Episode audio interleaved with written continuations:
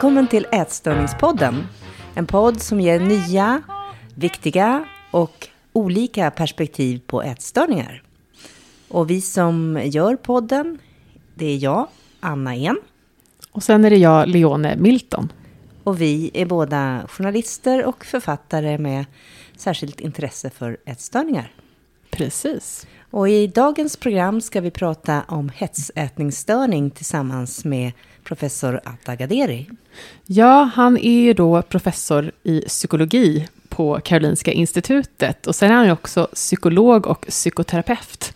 Och han har skrivit boken Lev med din kropp om acceptans och självkänsla, bland annat. Jag tror att han har skrivit fler böcker, men den är populär. Välkommen till Ätstörningspodden, Atta Gaderi. Tack så mycket. Så berätta, vad är egentligen hetsätningsstörning? Hetsätningsstörning eh, blev en officiell diagnos eh, i kategorin ätstörningar för ungefär 7-8 år sedan, 2013 i det amerikanska systemet. Eh, och sen har man också infört det som en eh, egen diagnos i det europeiska systemet flera år senare. Eh, det är en ätstörning som kännetecknas av att man tappar kontrollen över sitt ätande. Eh, relativt ofta, ungefär minst en gång i veckan. Under en period på minst tre månader. Så man äter betydligt större mängder mat än vad som är normalt för omständigheterna. Om man känner att man har tappat kontrollen över sitt ätande. Uh, och de här tillfällena, hetsättningstillfällena kännetecknas av att man uh, känner uh, skam och skuld. Det känns väldigt jobbigt. Man äter trots att man inte är hungrig. Man äter trots att man är mätt. Man äter trots att det kan göra fysiskt ont. Liksom. Man fortsätter att äter. Ehm, uh, och det skiljer sig från bulimia nervosa genom att man vanligtvis inte kompenserar för det man äter. Så man håller inte på med att fasta och träna väldigt intensivt eller kräkas upp maten eller använda laxermedel och sånt där. Och dessutom har man en vana i regel att man småäter ganska mycket. Som förklarar oftast övervikten i hetsättningsstörning jämfört med bulimi nervosa. Uh, och det tycks vara den vanligaste formen av ätstörning. Det är så alltså? Mm. Men varför dröjde det då så länge innan det blev en diagnos? Ja, man tyckte att eh, beteendet hetsättning finns i bulimia nervosa. Så ett tag var man inne på att man diagnostiserade som bulimia nervosa utan kompensatoriska beteenden.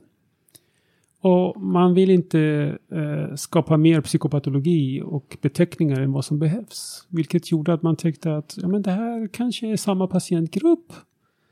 Eh, och de bara eh, inte ägnar sig åt kompensatoriska beteenden.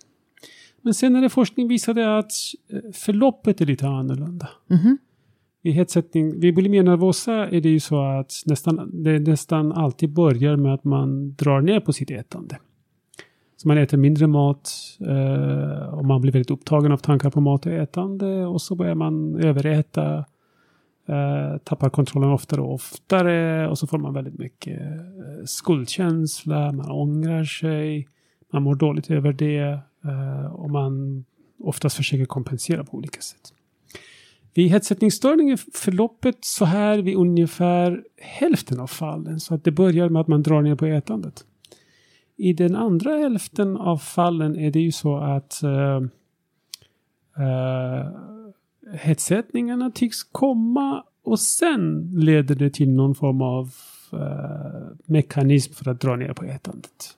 Alltså först hetsätningen och sen efteråt så drar man ner, snarare än ja, att det är före. Ja, precis, mm. ja. så att det är det motsatta som vid bulimi nervosa. Uh, och sen är det så att patienter med bulimi oftast kännetecknas av att de äter ganska lite under eh, normala omständigheter. Det vill säga när de inte hetsäter så är de inte så olik patienter med anorexi. De försöker dra ner på ätandet väldigt mycket. Men så såg man att patienter med ätsättningsstörning har en tendens att småäta väldigt mycket. Så det här ständiga försöket att dra ner på ätandet syns inte på samma sätt hos den här patientkategorin. Och sen svarade de annorlunda på behandling jämfört med patienter med bulimi. Eh, och igångsättningsåldern är annorlunda så att det oftast börjar senare än bulimia nervosa. Hur menar du med att de svarar annorlunda på behandling? Vad... Ja, i början tyckte man att oavsett vad man sätter in för behandling så svarar de på behandling. Så blir det bra. Uh, och då tyckte man att det här var ett, kanske ett skäl för att det inte ska vara en egen kategori och grupp. Men sen när man började renodla gruppen och rekrytera utifrån särskilda kriterier så såg man att nej, det också uh, verkar vara en egen grupp och svara på vissa behandlingar, svarar inte på vissa behandlingar. För när man bestämmer sig för att ifall ett tillstånd är ett eget patologiskt tillstånd så tittar man bland annat på hur patienterna svarar på behandling. Mm. Och är det så att man svarar på all form av behandling, då är det sannolikt inte ett patologiskt tillstånd uh, med, med de karaktäristika som man förväntar sig. Men så rent konkret då, alltså hur svarar då en person på behandling som en bulimiker inte gör? Eller hur skiljer det sig åt då? Uh, ja, i början tyckte man att exempelvis uh, patienter med bulimi exempelvis svarar på kognitiv beteendeterapi, interpersonell psykoterapi, uh, men inte på så mycket andra behandlingar. Och de svarar oftast också ganska bra initialt på psykofarmaka, men så fort man tar bort psykofarmaka så faller de tillbaka. Och i början när man studerade den här uh, andra kategorin hetsättningsstörning så tyckte man att i stort sett oavsett vad man sätter in för medicin och vad man sätter för behandling och hur pass kraftfull är det eller nästan placebo så ser man ett visst svar. Mm. Vilket var lite uh, märkligt. Mm. Men det berodde delvis visade sig på hur man definierade gruppen och vilka man drog in i studierna. Och när man definierar dem så som diagnoserna är tänkta det vill säga de ska ha sina hetsättningar på det sättet. De ska karaktäriseras av, av uh, de, de specifika kännetecknande dragen. Uh, då börjar det likna som att det är en specifik grupp. Så de svarar på KBT, de svarar på interpersonell psykoterapi. Uh, de svarar inte på placebo så som de gjorde i de initiala studierna. Det händer inte så mycket. Vi testade att ge den här patienten beteendeaktivering. Vad är det för någonting? Uh, beteendeaktivering är en behandling som vi använder i samband med depression. I samband med depression så eh, ändrar man sina rutiner och vanor. Eh, man oftast isolerar sig. Man gör mindre av det som är förstärkande och meningsgivande och sådär. Och då hamnar man mycket i grubbleri och eh, isolerar sig mer och mer etc. Så det vi gör där är att få dem att återaktivera sig och komma igång med sånt som de tycker är meningsfullt eh, givande, roligt, intressant eller så. Eh, trots att de känner att de har ingen ork, ingen kraft, ingen lust. Och när de väl gör det så kommer alla de där emotionerna på, på köpet. Så då börjar sinnesstämningen lätta upp och de börjar återfå sin funktion. Så då hade vi patienter med hetsättningsstörning där vi gav dem just den här behandlingen, beteendeaktivering, för att se är det så att de verkligen svarar på allt möjligt? Och det visade sig att nej, det gjorde de inte. så det hade ingen påverkan på nej, dem? Hetsättningen blev inte nämnvärt påverkad av, av beteendeaktivering. Hmm. Medan det, medan det funkade bättre för de som hade bulimi då, till exempel? Eller? Den, har inte, den har inte testats på bulimi den har inte heller. Testats på det. Okay. Vår, vår tanke var att är det en patientgrupp som svarar på i stort sett allt, då ger vi dem en enkel men potent behandling som funkar vid depression. För oftast i samband med ätstörningar så har patienter också en viss nivå av nedstämdhet och depression. Och då tänkte vi, kan det vara så att liksom ätstörningen också drivs av nedstämdheten och depressionen? Kan vi sätta in beteendeaktivering och ha effekt både på sinnesstämningen och på hetsättningsstörning? Just det. Och det visade sig att nej, det gav inte så mycket effekter. Och vad är det då, du nämnde KBT till exempel, är det det mm. som har visat sig ha bäst effekt? Ja, det är den mest dokumenterade interventionen eh, för hetsättningsstörning. Eh, och där eh, responderar patienterna ungefär någonstans mellan 40 och 70 procent. Eh, svarar väldigt bra och blir helt återställda. Och det varierar i olika studier, ungefär var någonstans man hamnar. Eh, en av de nyaste 2015 eller 2017 var det tror jag, där man uppnådde ungefär respons hos 70 procent. Eh, men även interpersonell psykoterapi har visat sig ha god effekt. Och vad är det då konkret? Eh, KBT eller IPT? IPT. IPT eh, är en pedagogisk intervention. Ibland klassas den felaktigt som en psykodynamisk behandling, vilket inte är det. För det finns en, en behandling som heter eh, psykodynamisk interpersonell psykoterapi. Mm. De här två blandas ihop oftast.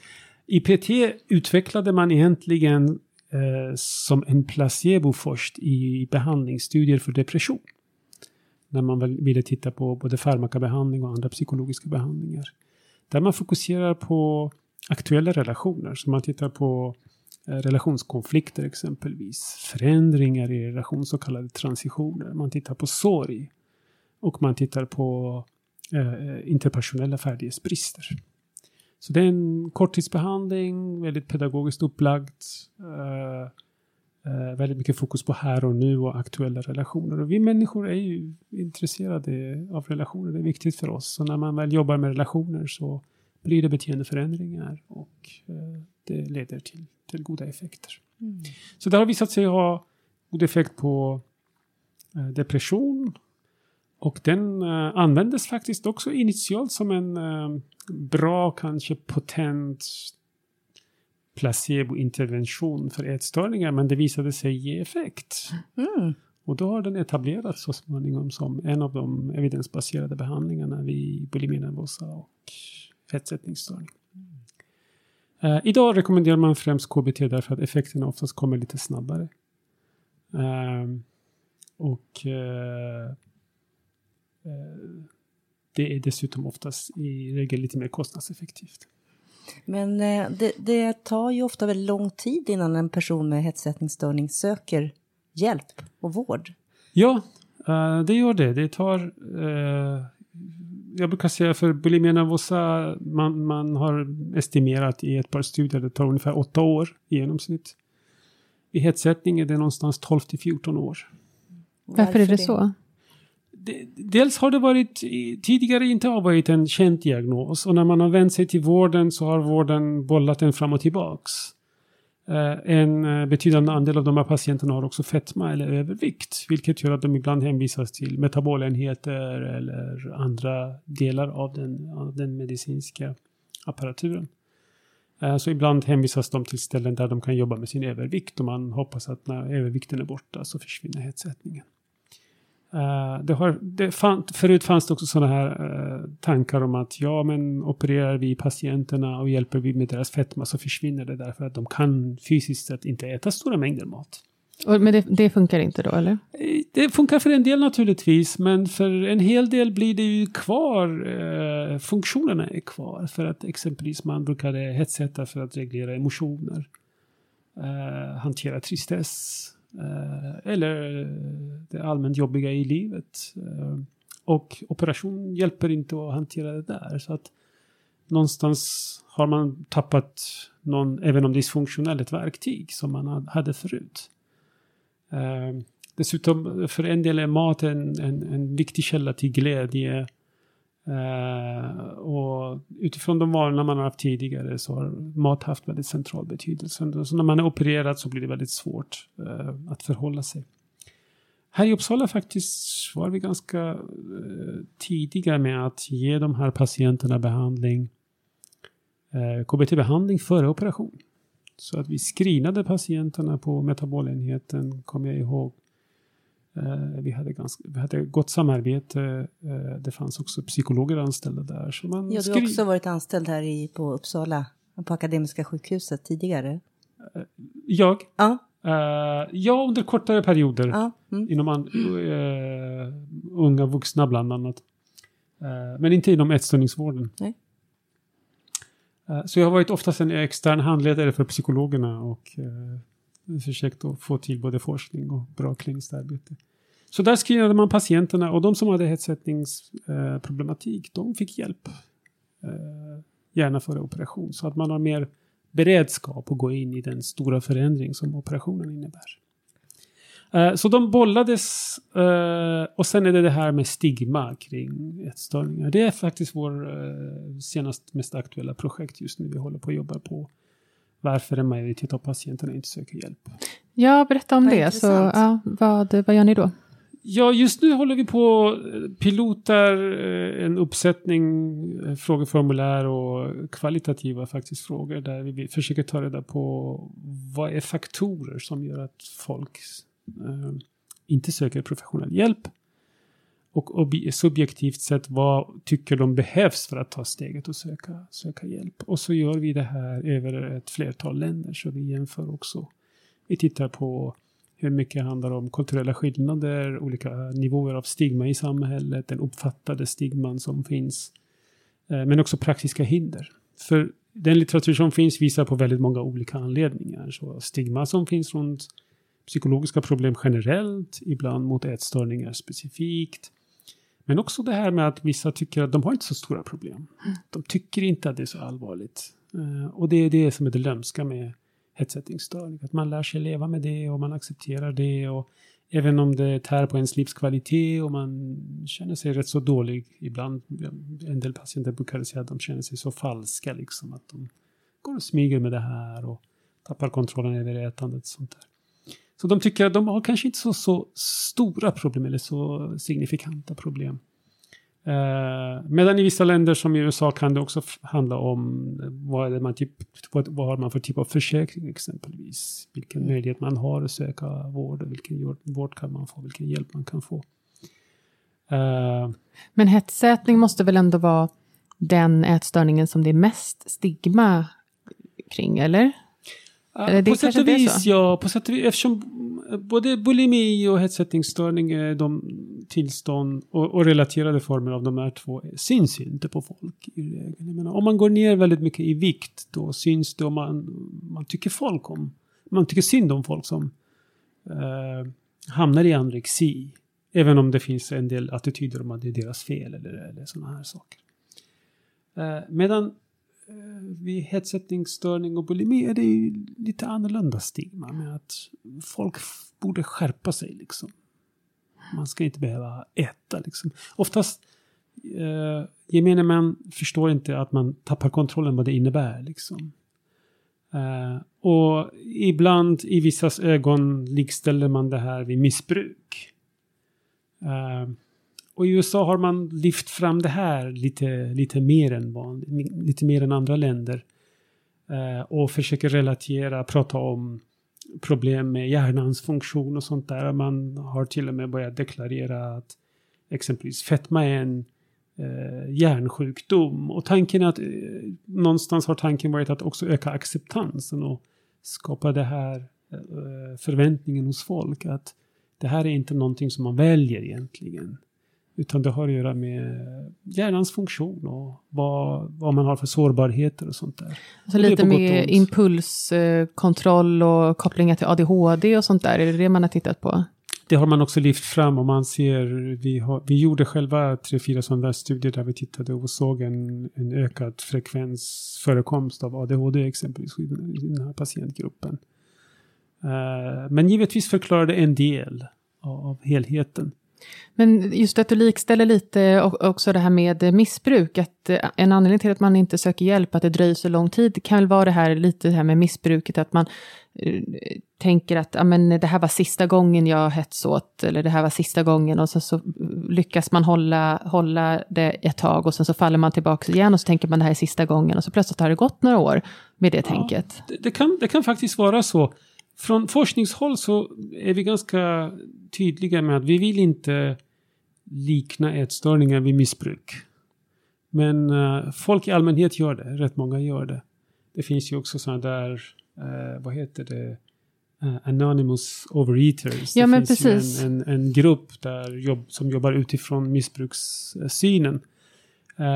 det finns ju ytliga likheter men det finns fundamentala skillnader som gör att vi inte ser det som ett missbruk. Men om man ska försöka förstå stigman och folks perspektiv så är det ju så att ibland ser de det på det sättet och patienterna själva ibland anammar det här. Men vad skulle du säga är de stora skillnaderna mellan att vara hets, eh, hetsätning och eh, ett alkoholberoende till exempel? Då? Ja, vi menar att mat överhuvudtaget inte lämpar sig eller eh, kvalificerar för att anses vara ett, en substans som skapar beroende. Eh, för det kräver substansen visa specifik effekt på lustcentra och inte på så jättemycket andra liksom, saker. Och om man, om man ska tänja ut definitionerna, då är vi beroende av allt. Liksom. Mm. Vi är mm. beroende av luft och vatten och hela uttrycket beroende faller ju naturligtvis. Utan beroende vill vi inte prata riktigt om missbruk. Och det är en skillnad mellan det europeiska perspektivet och amerikanska perspektivet. Ja, för där menar man kanske mer att man är liksom en matmissbrukare då, istället, medan här i Europa vill man hellre kalla det för en hetsätning och att det är hetsätningsstörning, eller kan det vara det? Uh, nu har man i USA accepterat också att det är en hetsätningsstörning, okay. det har blivit en diagnos. Men för många med hetsätning kanske känner att de är liksom matmissbrukare. Ja, mm. precis. Och det, det är lätt att köpa det för att det finns sådana där likheter som är ytliga som att man eh, smyger med det, man gör det i hemlighet, man skäms för det, man försöker sluta med det så många gånger, man misslyckas. Eh, man känner ett press utifrån, det finns en stigma runt omkring det. Eh, man känner någonstans att jag borde som person kunna liksom stoppa det där. Så mm. det finns många sådana där likheter. Vilket gör att man lätt köper det, här, det här mm. tänkesättet med att det är ett missbruk. Och vi, vi tycker inte riktigt att det kvalificerar för det. Och dessutom uh, det, det finns en del negativa uh, konsekvenser av att anamma ett missbruksperspektiv. Så som uh, eh, AA gör exempelvis. Att, att man är ett offer, man har, liksom, man har inget val, man kommer att vara ett missbrukare hela livet. Och så är det inte alls. Man kan tillfriskna från en ätstörning, man kan lära sig ett adekvat förhållningssätt. Man behöver inte ha någon form av högre makt uh, i, i sammanhanget.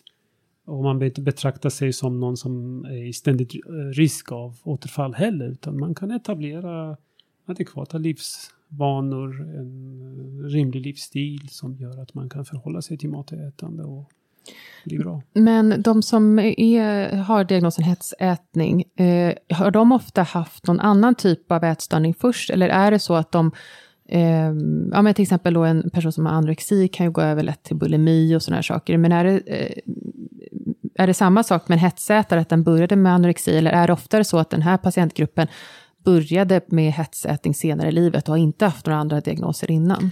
Ja, det är inte så mycket andra eh, ätstörningar som har funnits innan. Däremot stört ätande har funnits länge. Som i, hur ser ett sånt Så de, de, tycker att de har alltid haft lite svårt att förhålla sig till maten. Det har blivit lite för mycket, det har blivit för, lite för lite.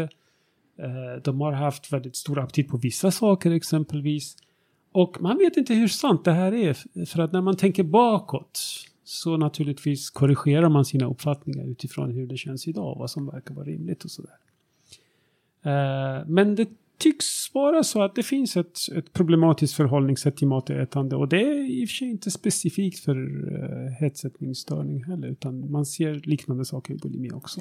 Ja, men för det är ändå när jag, när jag har intervjuat eh, personer som har haft eller som har hetsätning då så är det ju flera stycken som säger det här med att de, eh, när de var barn som var väldigt glada i mat och eh, liksom var överviktiga, kanske när de var små och sådana här saker.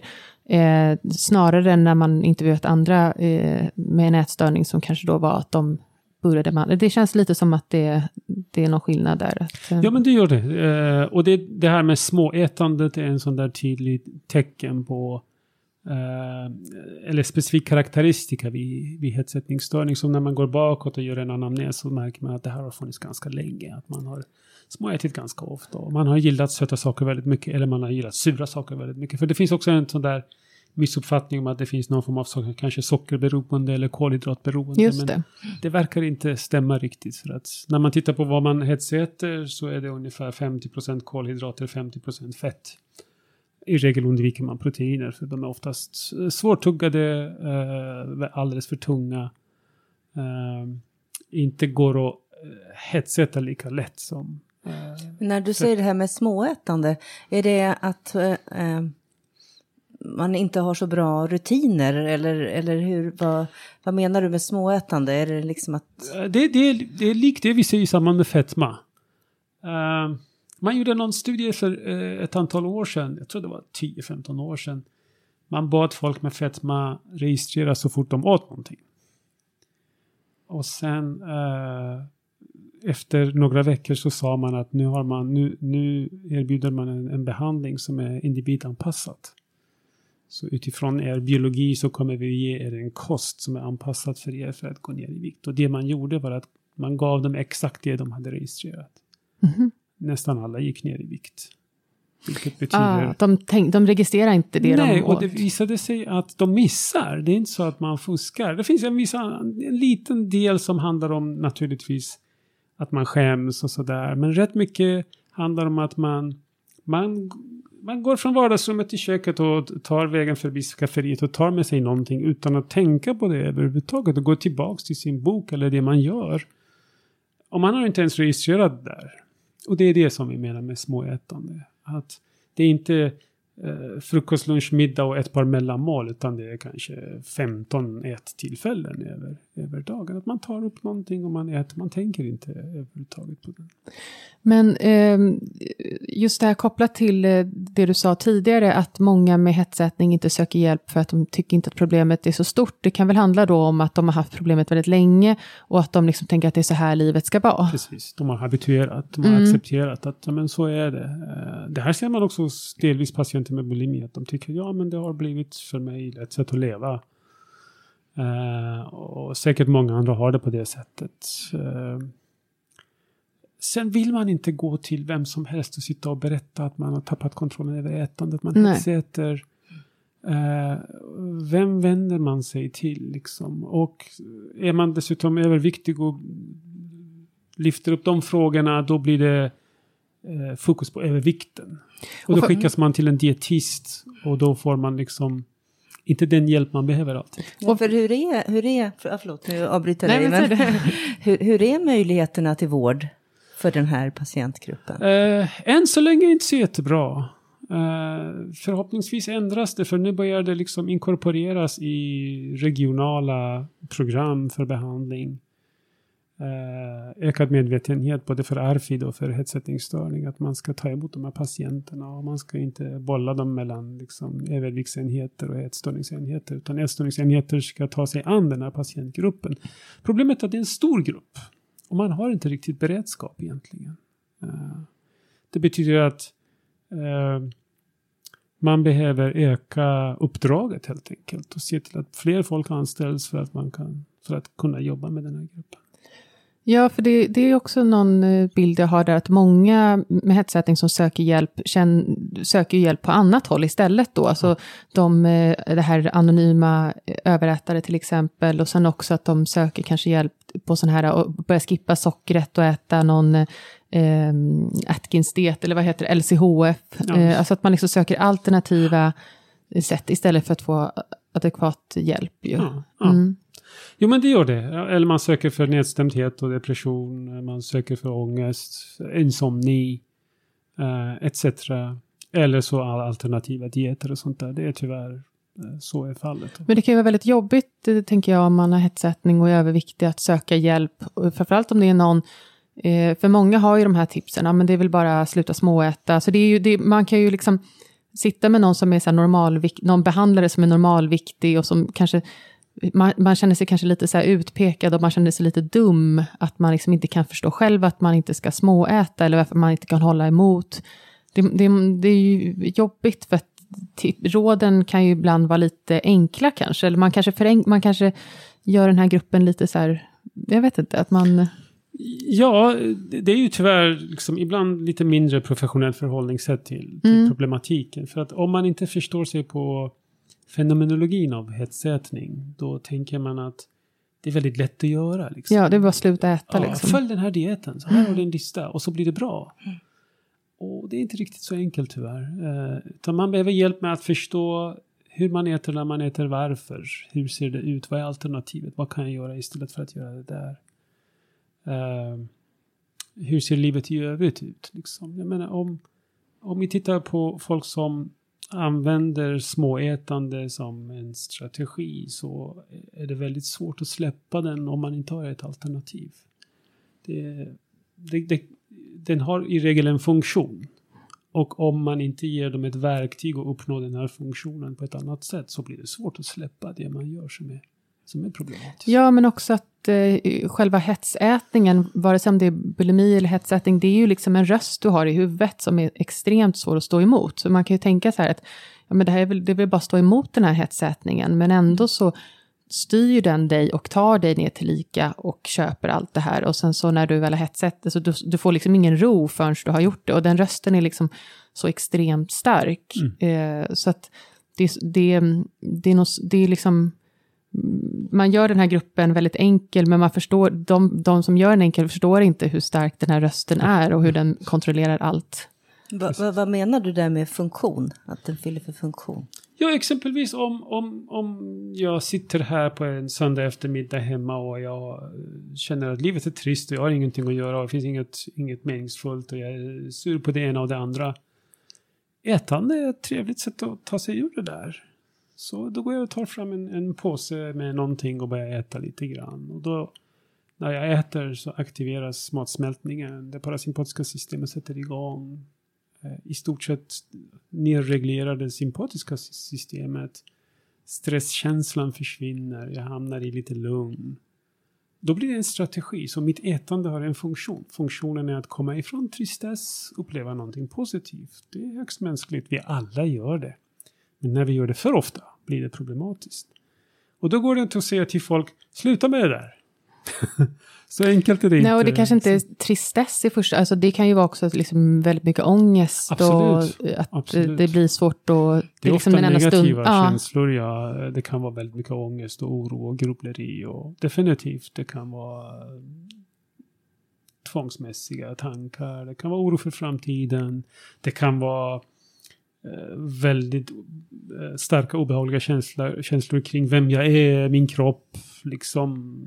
Det kan vara relationsrelaterade, väldigt svåra frågor. Jag är inte den här gruppen den gruppen som eh, har mest psyk, alltså så här självmordsbenägen, alltså att det liksom är suicidal, alltså det, är väl, det kan vara väldigt mörkt i den här gruppen jämfört med andra eh, grupper eller? att Det... Eh, Det, det är ganska vanligt med, med eh, naturligtvis nedstämdhet, depression eh, och därmed kommer också eh, suicidtankar och sånt där. Mm.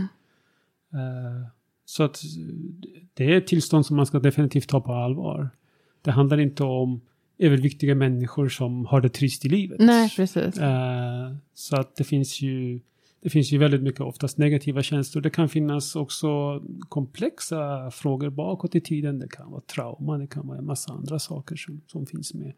Som man lever med liksom. Sättet att hantera alla, alla negativa upplevelser från en trauma blir att äta. Ja, men övergrepp till exempel och, Exakt. och sådär liksom. Men eh, vi har ju intervjuat dig i, i vår eh, nya bok Mamma med ätstörning. Och eh, där, som, och just om det här med hetsätningsstörning och eh, övervikt och så vidare. Och där säger du så fint att det här är en patientgrupp som borde organisera sig mer och sätta press på systemet. Vad, vad menar du med det? Ja, i, i regel så behöver man för att åstadkomma förändringar och för att öka tillgängligheten av vård, för att det här ska tas på allvar, så räcker det inte oftast med att det kommer in som en diagnos i diagnossystemet. Det hjälper naturligtvis, men det räcker inte. Så man behöver kanske också eh, börja bilda en förening eller, eller så och försöka lobba för ökad tillgänglighet av vård eh, lyfta frågan, diskutera, visa på det här. Det här är en eh, psykiatriskt problem, precis som många andra. Eh, minska stigman kring det där. Jag menar, om vi har någon somatisk sjukdom tvekar vi i regel inte att gå till doktorn. Och det ska vara samma sak med psykiska problem. Jag menar, om jag är nedstämd ska jag inte behöva sitta hemma och grubbla och vänta tills det går över, utan jag kan söka hjälp. Och det är samma sak med ätstörning. Så organisera sig, bilda någon förening, påverka regeringen, påverka regionerna, eh, lobba för frågan, visa på exempel, eh, öka benägenheten att söka, söka eh, vård, fråga vårdgivarna liksom, där man bor i olika regioner, hur mycket vård får den här patientgruppen? Liksom? Eh, Hur stora resurser finns det för den här gruppen? Den här gruppen är större än både bulimi och anorexigruppen. Ja, det är ju rätt otroligt, för det är ju inte många som vet det. Nej. Alltså, Nej, och i, i regel är det ju så att vi prioriterar det som är medicinskt mest akut och vilket gör att anorexipatienter i regel prioriteras i första hand och sen blir det bulimipatienter och sen kommer så småningom kanske till, till, till de andra. Och det, på ett sätt är det förståeligt att man prioriterar det som är medicinskt mest akut. Men det betyder inte att man ska bortse ifrån en grupp som, som har också naturligtvis behov av vård. Nej, och den här gruppen blir ju, alltså dels eh, liksom att de är, många är deprimerade och sådär saker, men det är väl också hög, eh, alltså sjukskrivning från arbete och sådana här saker är väl också hög i den här gruppen. Alltså det är ju en, att inte behandla en sån här grupp är ju kostsamt för hela samhället. Ja. Eh, för att många kanske inte går till arbetet och kanske inte orkar arbeta och Exakt. om man ska tänka liksom. Ja, precis. Det kom nyligen en rapport om eh, samhällskostnader för, för ätstörningar. Det var ju en amerikansk rapport och det är helt gigantiska siffror. Mhm. Eh, särskilt när man tittar också på bortfallet av livskvalitet och produktion. Eh, så man visar svart på vitt att här, här kan samhället spara väldigt mycket om man går in. Det är samma sak man gjorde i England när det gäller psykologiska problem i stort. Där man tack vare den här typen av beräkning kunde visa för parlamentet att om vi gör så där så vinner vi pengar så småningom. Och produktionen ökar, liksom samhället mår bättre. Alla vinner på det där, vilket gjorde att de, de eh, bestämde sig för att eh, göra storsatsning. Och Tror du att det kommer komma till Sverige? Ser du, ser du någon ljusning i behandling för hets, eh, hetsätningsstörning? Eh, inte så länge man... eh, det krävs, jag tror att det krävs att, att det blir någon form av patientorganisation, att man sätter press, att man diskuterar det här mera, att man gör det synligt. Eh, för det finns ju också så många andra problem och behov. Vilket gör att eh, sannolikheten för att det här ska prioriteras i hög grad tror jag inte är stor. Fortfarande är det ju ungefär 75 procent av de med ätstörningar söker inte hjälp. Nej. Och eh, Ja, och det är, precis, för det är ju också en sån där bild man har att ja, men jag är väl inte ätstörd, jag har aldrig fått hjälp och legat in på något sjukhus eller så, men de flesta är ju ätstörda men får aldrig hjälp, men det är ju tydligt att de är ätstörda ändå. precis, det påverkar livskvaliteten, funktionsförmågan, relationerna liksom. Men du har ju den här eh, internetutbildningen, eller internetbehandlingen som ni har tagit fram, den här nära, eller hur? Eller, Ja, jag jobbade på Stockholms centrum för ätstörningar under eh, 2019 och 20. Och där eh, tog vi fram en, eh, en behandling som är utifrån KBT, internetbaserad behandling. Eh, där man kan gå igenom ett, ett behandlingsprogram, ett, ett detaljerat potent behandlingsprogram och få lite stöd varje vecka under ett antal veckor. Eh, och det här enligt nationella riktlinjer exempelvis från eh, Australien eller England eller USA är första handsbehandlingen för bulimi och ätstörning. Eh, och tanken är att eh, öka tillgängligheten. För det där är inte lika behandlarintensivt. Du har hjälp av en behandlare kanske 20 minuter i veckan. Du jobbar själv väldigt mycket men du får så mycket stöd i programmet. Hur du ska göra, vad du ska göra, på vilket sätt. Hur ska du registrera, hur ska du tänka, hur ska du problemlösa. Uh, vilket gör att om det här uh, programmet delas nationellt uh, till övriga regioner så kan, ja, ungefär kanske, vi brukar säga att cirka 20-30 procent av patienterna har tillräckligt hjälp av den här.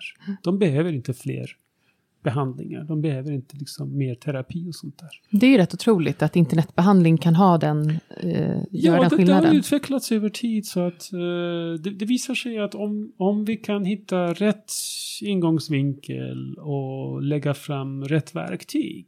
Många har tillräckligt mycket struktur och förmåga att använda det. Men sen finns det också en del som behöver mycket mer stöd för att kunna gå vidare. Så att internetbehandling är inte svaret på allt men eh, hälsovinsterna och hälsoekonomin i det här är väldigt stor. Så om 20-30% av patienterna kan få hjälp rätt så snabbt. Det kostar väldigt lite. Liksom det kostar en 20 minuters terapitid och så småningom kanske en kvart per vecka. Då hinner vi ge väldigt många behandling. Eh, och dessutom, man kan vara också uh, kreativ och använda fler resurser. Exempelvis, jag ser det inte alls som omöjligt att exempelvis psykologstudenter mot slutet av behandlingen kan gå in och jobba som stödperson i programmet. Lära sig programmet, de kan professionellt förhållningssätt och vara stödperson. Så att de, då får de träning i att exempelvis eh, förbättra sina färdigheter och en hel del människor kan få stöd i användning av sådana här program. Så kanske vården och regionerna behöver också tänka annorlunda. Vi är ganska dåliga på att använda eh, andra resurser än det som officiellt finns i, i vården. Sen finns det naturligtvis aspekter kring eh, sekretess och säkerhet och sådana här saker. Men det finns lösningar för sånt där också. Ja, för nu finns nära bara i Stockholm då? Eller? Nära finns bara genom Stockholms centrum för ätstörningar. Just det, och det har ju funnits några antal år, så man tycker ju att nu borde ju andra regioner ha fått upp ögonen för det här. Men det har de inte fått menar du då? Alltså. Uh, en del har fått, men sen är det det här med byråkratin och att uh, programmet är på 1177. Så att egentligen, och så finns det uh, juridiska dokument för att kunna också dela med sig av det här till andra regioner. Så det handlar bara om att komma över den där lilla tröskeln och göra det här och göra det tillgängligt. Eh, för andra regioner, de som jag har varit i kontakt med skulle gladeligen använda sig av det där. Eh, de betalar en mindre summa för att det ska liksom upprätthållas, utvecklas, effektiviseras eh, och få tekniskt underhåll helt enkelt. Och det kommer både regionerna till gagn och patienterna. Vad irriterande att det inte finns på fler ställen. Det tycker man borde vara självklart. Ja, och så kommer det olika initiativ eh, från olika ställen, olika regioner där oftast det finns någon, någon eldsjäl som tillsammans med några studenter försöker skapa något internetprogram och sånt där. Eh, men oftast saknas resurserna, kanske kompetensen finns inte hela vägen heller. Och då blir det någonting som inte blir eh, fullt väl utvecklat och använt och sånt där. Och faller det liksom så småningom i glömska. Men en person då som, som bor till exempel i, i Göteborg eller, eller Örnsköldsvik och hör, hör det här. Mm. Skulle den kunna vända sig till sin region och, och, och, så att säga trycka på och säga att det här internetprogrammet nära Absolut. finns i Stockholm. Det, Ja, och varför vår region inte har det. Antingen äh. utveckla er egen eller köp det där. Och den finns redan. Och uh, Vi har lagt ner rätt mycket resurser på det där. Försökt att göra det så pedagogiskt som möjligt. Uh, lite slöseri att behöva utveckla 17 sådana där ja. uh, inte, program. Vi har utvecklat en massa filmer. Det finns rätt bra detaljerade beskrivningar. Eh, och dessutom om, om, fler regioner använder det så kommer återkopplingen hjälpa till att utveckla det här vidare. Så vi kan utveckla ett system som alla kan använda sig av. Det är på en nationell plattform så det krävs ingen särskild teknik eller sådär eftersom då har det ju inte att göra med olika regioners IT-lösningar och sådana där saker. Så patienterna kan sätta press. Jag tror att den typen av aktivitet behövs mer av i Sverige. Ja, det är jättebra. Um, ja, men jag tänkte, du, har ju, du driver ju en eh, forskningsgrupp också på Karolinska. Och mm. ni gör ju massa spännande projekt när man går in och läser om, om din forskargrupp. Eh, den heter ju ditt namn väl? Ja, ja. Eh, så det kan man ju googla. Men då var det ju en rad olika spännande forskningsprojekt. Är det något eh, häftigt projekt du vill berätta? Du nämnde ju lite här innan om, om det här projektet ni håller på med nu, men något annat som du tycker är intressant som du vill belysa? Ja, något annat som vi uh, har hållit på med länge och vi fortsätter med också det här med förståelse av gränslandet perception kognition. Okay. Uh, hur vi förstår vår kropp. och dess implikationer för missnöje med kroppen. Så vi håller på med att förstå grundmekanismerna kring exempelvis vad händer när vi fokuserar mycket på vår kropp och kroppsdelar. Alltså, alltså varför, viss, varför blir man missnöjd med sin kropp? Exempelvis i förlängningen, varför blir man missnöjd med sin kropp? Eller eh, om man, om man eh, granskar sin kropp för mycket, vilket många patienter med ätstörningar gör. Vad, vad är det som exakt händer? Ah. Och, och, vi håller på att börja förstå exempelvis att om man tittar på en kroppsdel lite längre än vanligt, exempelvis vi låter dem titta på sin icke-dominanta hand, oftast vänster hand under fem minuter.